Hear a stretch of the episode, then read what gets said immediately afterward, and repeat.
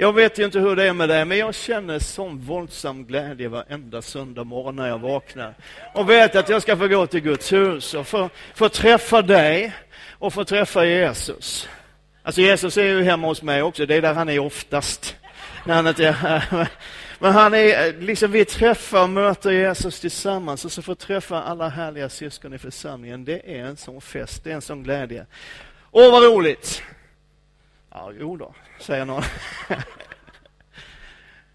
Hörrni, vi är framme vid den sista delen i den här serien som vi har hållit på med sedan året började. Om att vara en mötesplats och att vara ett hem. Jag ska alldeles strax säga lite grann omkring det. Jag vill bara göra lite reklam först, några ord från våra sponsorer. Som är vi själva. Nästa söndag så börjar vi ett nytt tema som vi har kallat för Utan tvivel? Frågetecken. För grejen är, det här är jag övertygad om, du får Ja, vi brottas alla, oavsett hur länge vi har varit troende. Om du blev frälst igår eller om du har, som jag, varit frälst i 420 år, så brottas vi någonstans alla med tvivel. Det finns tillfällen och det finns områden som vi inte riktigt med vårt något begränsade intellekt kan greppa. Vi får inte riktigt tag på det. En del av oss, som jag till exempel, kan erkänna det väldigt öppet. Jag tvivlar på en väldig massa saker, faktiskt, ibland. Jag tror på en massa saker också. Men det finns någonstans i oss, den här brottningskampen. Och jag kan erkänna det, många med mig, men andra försöker dölja det. Och ibland så händer det ju faktiskt att människor lämnar en kristen gemenskap, lämnar en kristen församling, för att man har svårt att tro. För vi har lärt oss, många av oss, åtminstone min generation och, och så, vi har lärt oss någonstans att tvivel är motsats till tro.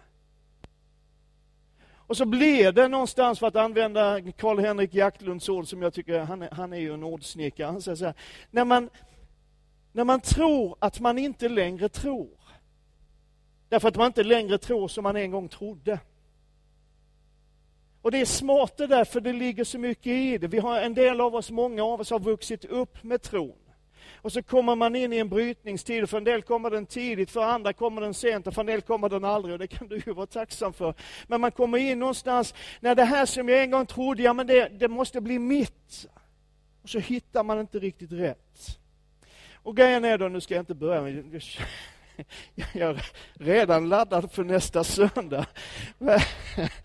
Men om du någon gång, jag ska säga det här, om du någon gång i ditt liv har brottats med tvivel, om du någon gång har känt att din tro är svag och kanske inte riktigt duger, så är den serien som börjar på söndag för dig. Så be here. Nästa söndag också, direkt efter gudstjänsten, så drar vi igång någonting som vi kallar för introförsamling. Och det är en kort samling för dig som funderar på vad är ena kyrkan, man kanske skulle bli med där. Kan man joina på något sätt? Så får man reda på hur man går med, man får reda på vad är vår vision, vad är det vi brinner för, varför finns vi här och varför håller vi på? Ehm, du får reda på vad, vad, du kan förvänta dig av oss som församling, av oss som pastorer, av oss som församlingsledning och den här gemenskapen. Och, och det här är det allra viktigaste, du får också reda på vad vi som församling förväntar oss av dig. Och egentligen skulle ju alla gå och vara med, men, men vi tar en, eh, några i taget. Så här. Den är klockan 12.30 cirka på söndag, det vill säga när gudstjänsten är slut. Så vi som ska vara med, vi går ut och, och så tränger vi oss före hela kön till fikat och så tar vi med oss en, en, kopp kaffe och någonting att tugga på. Och så samlas vi i ett av konferensrummen. Det tar ungefär 35-40 minuter. Bara gå igenom det här och sen så kan du gå hem och fundera på, ska jag verkligen gå med i den församlingen? Och det är klart du ska. All right. Vi har talat om en mötesplats, ett hem. Eh, vi har talat om församlingens vision, att vi vill vara en församling av människor, vad vi nu annars skulle vara en församling av. Helt överlåtna till Kristus, hängivna varandra och fast beslutna att göra Jesus Kristus känd, trodd och älskad av många fler. Och I söndags så talade pastor Peter om att vara en mötesplats, en plats där vi får möta både människor och Gud. Han talar om att Gud är en Gud som vill bli funnen. Det är bra, eller hur? En Gud som kommer oss till mötes. Och idag så är det den avslutande delen. Jag tänker tala lite grann om ett hem. Vi har ju det som en liten slogan som finns på, på lite olika ställen. En mötesplats och ett hem. Ett uttryck för vad vi vill vara, både som församling och med det här huset där vi möter jättemycket människor varje dag. Men inte bara det mötet som vi vill vara, vi vill vara en mötesplats som blir ett hem. Ja, visst är det bra? Säg det igen Peter, så att jag... Ja, tack. Vi ska alldeles strax läsa en bibelvers, en vers som jag älskar. Och som vid första påseendet kanske inte har sådär jättemycket med dagens tema att göra. Men den har faktiskt väldigt, väldigt mycket med det här temat att göra. Och den är hämtad från Lukas evangeliets eh, åttonde kapitel. Och sammanhanget är att Jesus har undervisat som han brukade göra. Eh, och han har eh, stillat stormen på sjön. Och sen så har han varit i Gerasenernas område som ligger på andra sidan Genesarets sjö. Eh, och där har han befriat en man som var plågad av onda andar och allt detta. Det är sammanhanget. Och så står det så här.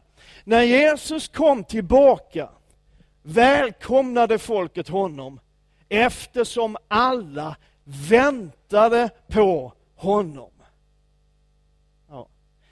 Eh, jag tycker det, det, det finns något så härligt i det uttrycket. Alla väntade på Jesus. Det var inte det att han bara råkade komma in och så upptäckte jag inte det är han Jesus som, som oh, det kan det väl vara, ska vi kolla vad han har att säga. Utan alla väntade på att Jesus skulle komma tillbaka, de var ivriga. Och jag vill att att du, jag ska försöka måla en bild som jag vill att du tar med dig in och genom predikan här idag. Det är förväntan i luften. Va? Jesus är tillbaka från sin resa och alla har väntat på honom. Man har pratat om honom, man har pratat om hans undervisning, man har pratat om allt som han har gjort och man har funderat över vad kommer att hända nästa gång Jesus kommer? Vad kommer han att säga? Och vad, vem kommer han att bota? Tänk om, tänk om det är min tur idag. Eller tänk om Jairus äntligen ska få se miraklet. Hans dotter har ju varit så svårt sjuk länge nu. Och nu hörde jag att hon är visst ännu sämre. Tänk om det är hennes tur att få möta Jesus. Och folk pressar på och alla vill vara nära när Jesus kommer gående ner från stranden. Och mitt i den skaran av människor så finns en kvinna hon har varit sjuk i 12 år. Hon har sökt varenda läkare hon någonsin kunde hitta. Plöjt gula sidorna, bara letat. Varenda läkare hon, hon kunde hitta. Och alla de här läkarbesöken har kostat henne allt hon hade. Hon har nästan ingenting kvar. Det enda hon har kvar är en tanke. Om jag får röra vid Jesus så blir jag frisk det är förväntan och det är hopp. Det finns glädje och desperation. Det är olika människor, det är olika behov. Det är en salig röra, en salig blandning. Men alla väntade på honom. Och den här dagen finns det ingenting som tar uppmärksamheten från Jesus. Vi vill vara en mötesplats och ett hem. Vad är ett hem? En sak är säker, ett hus är inget hem. Ett hus är ett hus. Men ett hus kan bli ett hem, ett hus kan vara ett hem. Och då kan man fundera på, det har jag gjort djupt och länge, vad är det som gör att ett hus, eller en lägenhet för den delen, blir till ett hem? Är någon som är smart säger, ja man flyttar in där, och det, det är ju sant.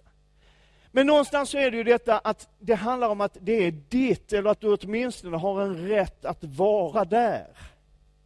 Och sätta din prägel på det. Ett hem för mig, det är en plats där man kan vara sig själv. Och om det finns andra människor där, var älskad ändå. Du vet, tänk dig in i det nu, om du är riktigt dig själv. Och du är älskad ändå. Jag har sagt någon gång, och jag, jag tror att, att det, det, det, är också en väldigt bra definition, åtminstone när man, som vi tidigare hade, en massa tonåringar, en förfärlig massa tonåringar samtidigt i huset. Så här liksom. Alltså, ett hem är en plats där din coolhetsfaktor är noll och intet. Men du älskar det i alla fall. Det är bra, eller hur? Min son nickar instämmande. Vet, ett hem, det är en plats där du känner, jag hör hit. Det finns en tillhörighet. Jag är en viktig del där. Och det betyder någonting om jag är där eller inte. Men jag tror också att en sak som kanske mer än någonting annat skapar ett hem, det är det här mystiska ogreppbara som vi kallar för atmosfär. Det är ju ett märkligt uttryck. När vi pratar om atmosfär. Man kan inte ta på det, men det är ändå väldigt påtagligt. Det där som ligger i luften, som inte riktigt går att definiera, men som sätter hela stämningen och påverkar hela upplevelsen. Som antingen kan göra dig bekväm och förväntansfull och avslappnad, eller också faktiskt ibland kan göra dig väldigt obekväm och skeptisk och spänd. Du vet, du kan ju besöka någon och du kommer in i ett rum där allt är supergenomtänkt in i minsta detalj. Allt är designat, dansk design överallt. Allt är genomarbetat, det är inte en pryl för mycket eller en pryl för lite. Allt är helt perfekt. Men det är något som saknas. Och så kan man besöka någon annan och det kanske är lite stökigt och lite omodernt och lite slitet och inte alls din stil. Men du känner dig hemma på en enda gång. Det är det som är atmosfär. Och med det här har jag inte sagt att om du nu gillar minimalism och det här liksom, du tillhör ljust och fräscht generationen, så saknar ditt hem atmosfär. Det är inte det jag säger. Eller hur? Alla vet att det inte är det jag säger. Utan det jag säger det är att den där känslan eller stämningen väldigt lite handlar om det yttre, om möbler och design och inredning. Det är någonting annat. Den där känslan du får när du kliver in i ett rum, kliver in i ett sammanhang. Är den viktig? Och är den viktig för oss som församling? Är den viktig för oss som kyrka? Och jag tror att den är det. Det finns två planeter i vårt solsystem som på många sätt är ganska lika. Venus och jorden. De är ungefär lika stora. De har ungefär samma massa. De består till stora delar av samma grundämnen och vulkaniska bergarter. De ligger relativt sett, om man nu ser liksom universum i sin, sin helhet, hur man nu kan göra det, men de ligger relativt sett på ungefär samma avstånd från solen. Och jag är övertygad om att båda två, både Venus och jorden, är skapade av Gud. Men den ena är fullständigt död medan den andra är full av liv. Och Det finns en avgörande faktor som skapar den skillnaden och det är atmosfären. För Venus atmosfär består till 96,5 procent av koldioxid. Det blir skrivning på det här sedan. Och den, de 96,5 procenten av koldioxid i atmosfären runt Venus skapar en extrem växthuseffekt. Så att temperaturen på Venus i genomsnitt är 470 grader Celsius. Det är som en pizzaugn ungefär. Jordens atmosfär består till största delen av kvävesyre, det, det vet vi. Men, det här tycker jag är intressant. Säg inte att du inte får lära dig någonting när du kommer till kyrkan. Planeten jorden har potentiellt sett samma mängd koldioxid som Venus. Det är lagrat i olika bergarter i form av kalciumkarbonat. Visst är det intressant det här? Och om man hettar upp kalciumkarbonat, vad får man då? Två saker, vad får man då? Fail. Då får man kalciumoxid och koldioxid. Jag läste en artikel som visar att om den koldioxid som på det här sättet, som ligger lagrad i jordens berggrund och bergarter, om den skulle frigöras, så skulle jordens atmosfär vara exakt densamma som Venus. Och då tänker jag så här, det är någon som har tänkt till. Det är ju någon som har tänkt att det här kanske är viktigt. Och grejen är, och det här är min poäng, varför jag nu drar hela denna lektioner. När Gud skapade vår värld, Bibeln beskriver det som sex skapelsedagar. Så säger Bibeln, då använde Gud fem av de dagarna för att skapa rätt atmosfär. Han använde fem av de dagarna för att skapa rätt miljö, rätt förutsättningar, rätt atmosfär och sen stoppade han in oss i sin skapelse. Om Gud ansåg att rätt atmosfär är så viktigt så borde, tycker jag, rätt atmosfär vara viktigt för oss som församling. För att om vi ska gå från att vara en mötesplats där vi möter en massa människor i största allmänhet till att bli ett hem för människor som längtar efter Gud så behöver den här platsen, då behöver vår gemenskap präglas av en atmosfär som får människor att känna sig hemma. Som skapar en känsla av I belong here, jag hör hemma här. Jag tror att det handlar om, för det första, att se människor. Jag har talat om det ganska många gånger, både här och på andra ställen. Att se bortom, att se med Guds ögon, är att se bortom och förbi det som är uppenbart, det som alla kan se. Att se någon på riktigt. Jag har haft uppe i predikan tidigare, jag älskar den berättelsen, när Jesus blev hembjuden till farisén Simon i Lukas kapitel 7. När Jesus är där på den här bjudningen och väntar på maten så är det en kvinna som tränger sig in. Hon kastar sig på golvet vid Jesu fötter och så ligger hon där och gråter. Hon tvättar hans fötter med sina tårar, torkar dem med sitt hår, smörjer dem med en dyrbar olja. Och hon är en kvinna med ett rykte. Och hela storyn visar, när hon kommer in, och gråtande faller ihop vid Jesu fötter. Hela storyn visar, det är någonting som har gått sönder inom henne. Och Simon farisén, han tycker att det här är jättejobbigt och pinsamt, för han vet vem hon är. Han vet vilket rykte hon har. Och han tycker att Jesus om han nu har någonting alls med Gud att göra, så borde han också inse vad det där är för en människa. Och så ställer Jesus en fråga, och den frågan har bränt sig ända in i min själ, och jag tror aldrig mer jag kommer ifrån den. Och Jesus ser på kvinnan, och så ser han på Simon, och så ser han på kvinnan, och ser på Simon, och så säger han till Simon, Simon, ser du henne?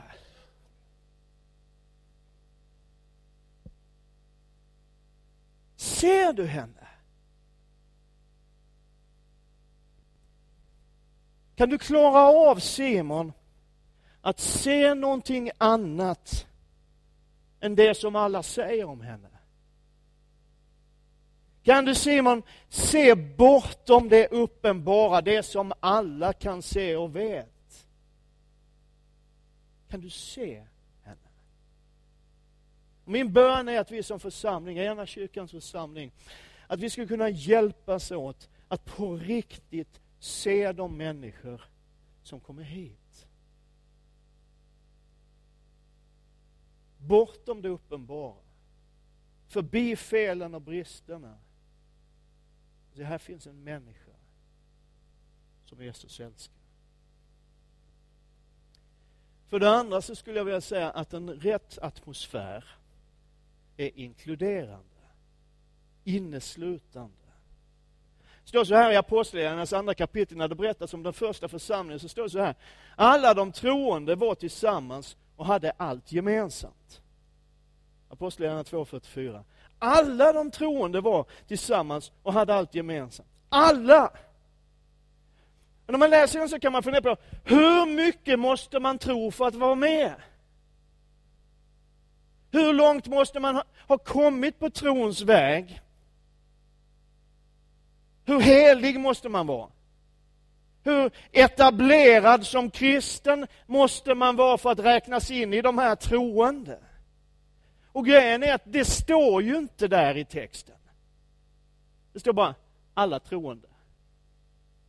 Alla de som räknade sig som troende, alla de som hade ett frö av tro, alla de som på något sätt ville röra sig i riktning mot Gud, mot Jesus och ville vara en del av detta. Alla de var tillsammans och hade allt gemensamt. Alla troende.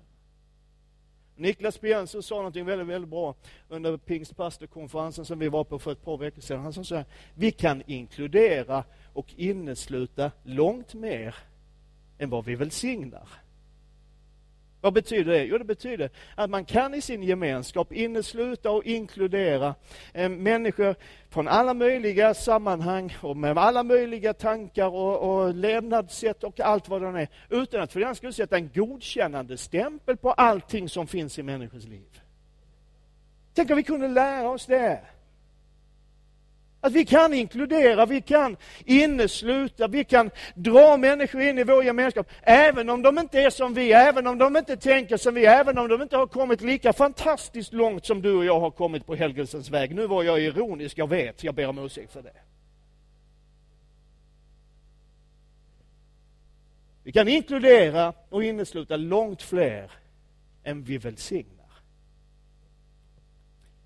Och Lukas fortsätter, det är han som har skrivit Apostlagärningarna, han fortsätter så sen så här, varje dag var de troget och enigt, vadå, tillsammans i templet och i hemmen bröt de bröd och delade måltid med vem? Med varandra. I jublande innerlig glädje. Det är väl hur bra som helst. En inkluderande gemenskap. Jag talade i den första predikan i den här serien på vår Vision Sunday. Jag talade om hur jag älskar det ordet tillsammans. Folk tror inte det, för de vet hur oändligt introvert jag är. Men jag älskar ordet tillsammans.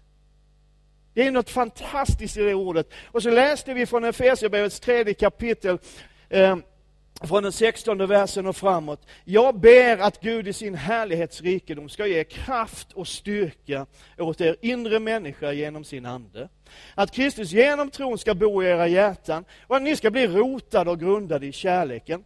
Då ska ni tillsammans med alla de heliga inte för er själva, inte en och en, inte i ditt eget lilla kotteri som består av dig själv och din navel utan tillsammans med alla de heliga kan du fatta bredden och längden och höjden och djupet och lära känna Kristi kärlek som går bortom all kunskap. Wow! Det är tillsammans vi lär känna Jesus. Det är tillsammans vi lär känna hans kärlek. Hur ska en människa som tar sina första stapplande steg på trons väg, som inte har allting rätt, som inte vet allting, som inte alls lever som du tycker att man skulle leva, hur ska den människan kunna fortsätta på trons väg om inte tillsammans med dig och mig? En inkluderande gemenskap. Och slutligen, det finns jättemycket att säga. Jag skulle kunna predika hela det här året om vad jag tror att en sån atmosfär handlar om. Men jag tror också, och det här är viktigt, att en rätt atmosfär i Guds församling är totalt fokuserad på Jesus Kristus. Helt fokuserad på Jesus Kristus. När Jesus kom tillbaka välkomnade folket honom eftersom alla väntade på vad? På honom. Det är en atmosfär av förväntan riktad mot Jesus. Det är därför vi tar rätt mycket tid i vår kyrka till lovsång och tillbedjan. Det, det händer faktiskt att jag får den frågan, liksom, måste vi lovsjunga så länge? Ja, vi ska lovsjunga tills du har ditt hjärta riktat mot Jesus. Det är därför det tar sån tid. Vet du. Det är därför, därför att när vi tillber Jesus, när vi lovsjunger honom, så öppnas våra hjärtan, riktas in till honom. Vi riktar vårt fokus mot honom, Jesus Kristus. Och det är därför som vi ger mycket tid och plats åt Guds ord i vår gudstjänst. Därför att tron kommer av predikan, Romarbrevet 10 och 17. Och här är själva grejen, det är det här jag är ute efter. Att när vårt fokus är helt på Jesus, som den där dagen som vi läste om i Lukas 8 alldeles nyss. När vårt fokus är helt på Jesus så är hans fokus helt på oss. Vet, I en atmosfär av förväntan kan vad som helst hända. Hur gick det för den där kvinnan som varit sjuk så länge? Hon som bara hade en enda tanke kvar, att om jag får röra vid Jesus så blir jag frisk. På vägen dit trängde folkmassan nära Jesus. Där fanns en kvinna som hade haft blödningar i tolv år och inte kunnat bli botad av någon. Hon kom bakifrån, rörde vid hörntofsen på hans mantel och genast stannade hennes blödning. Jesus frågade, vem var det som rörde vid mig? Alla nekade och Petrus sa, mästare, hela folkmassan trycker och tränger sig in på dig. Men Jesus sa, någon rörde vid mig, jag kände att kraft gick ut från mig. När kvinnan insåg att hon var upptäckt kom hon darrande fram och föll ner för honom. Hon förklarade inför allt folket varför hon hade rört vid honom och hur hon genast hade blivit botad. Och Jesus sa till henne, min dotter, din tro har frälst dig. I en atmosfär av förväntan kan vad som helst hända. Hur gick det med Jairus dotter då, som låg för döden? Och medan Jesus tog sig tid med andra, med den här kvinnan som hade varit sjuk i tolv år och en del andra, så kom budet att det är ingen idé att Jesus kommer för nu har flickan dött. Men Bibeln berättar hur Jesus reste upp henne, hur livet återvände och hur han sa åt hennes föräldrar, ge henne lite käk för nu är hon hungrig. Jag älskar Jesus. Vet, när vårt fokus är på Jesus så är hans fokus på oss. Den atmosfär som jag tror Gud vill ha i sin församling, som Gud vill ha i ena kyrkan, den är inkluderande. Den får människor att känna att jag hör hemma här. Oavsett vem man är, hur man ser ut, var man kommer ifrån, vilka politiska uppfattningar man har, vilken religiös bakgrund man kommer ifrån, vilken sexuell läggning man har, vad det än är. Att människor får känna, jag hör hemma här. Och den har sitt fokus på Jesus Kristus. Jakobs brev säger, närma er Gud, så ska han närma sig er. Närma er Gud, så ska han närma sig er. När Jesus kom tillbaka välkomnade folket honom eftersom alla väntade.